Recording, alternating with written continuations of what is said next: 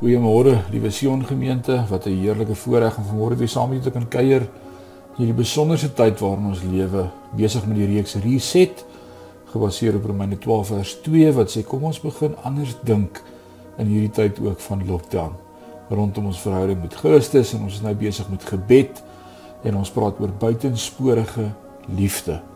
Hoe wil Christus hê moet ek en jy lief hê? Ons het vandag een vir mekaar gesê Die Here moet ons help dat ons hom voluit sal lief hê in ons lewe. Ons het gister vir mekaar gesê God beveel ons om ook ons vyande lief te hê. Vandag op dag 3 wil ek met jou praat in hierdie reeks oor reset. En ek wil sê bid vandag dat jy ander onvoorwaardelik sal lief hê.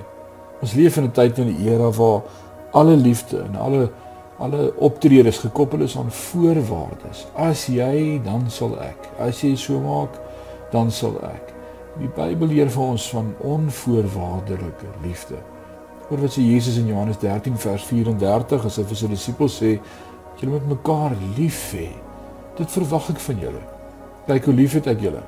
Laat dit die voorbeeld wees van hoe lief julle mekaar moet hê.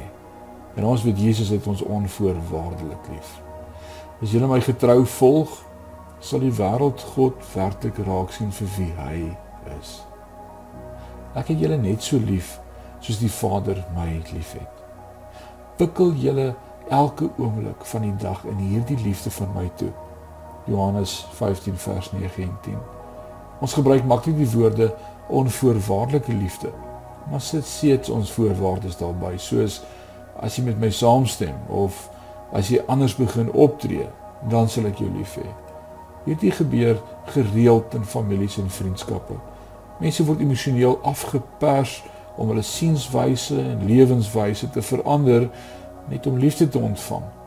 Maar as God liefde is en hy is moet ons as sy volgelinge liefde aan ander gee dat hy het ons eerste lief gehad en gee ons die opdrag om ander lief te hê nes hy hulle liefhet. Kom ons bid vandag dan hiervoor. Hemelse Vader, het ons elkeen uniek geskep. En ek weet U wil dat ons mekaar sal liefhê ten spyte van die omstandighede wat ons verhoudings omkring. Leer my wat dit beteken om in U liefde te bly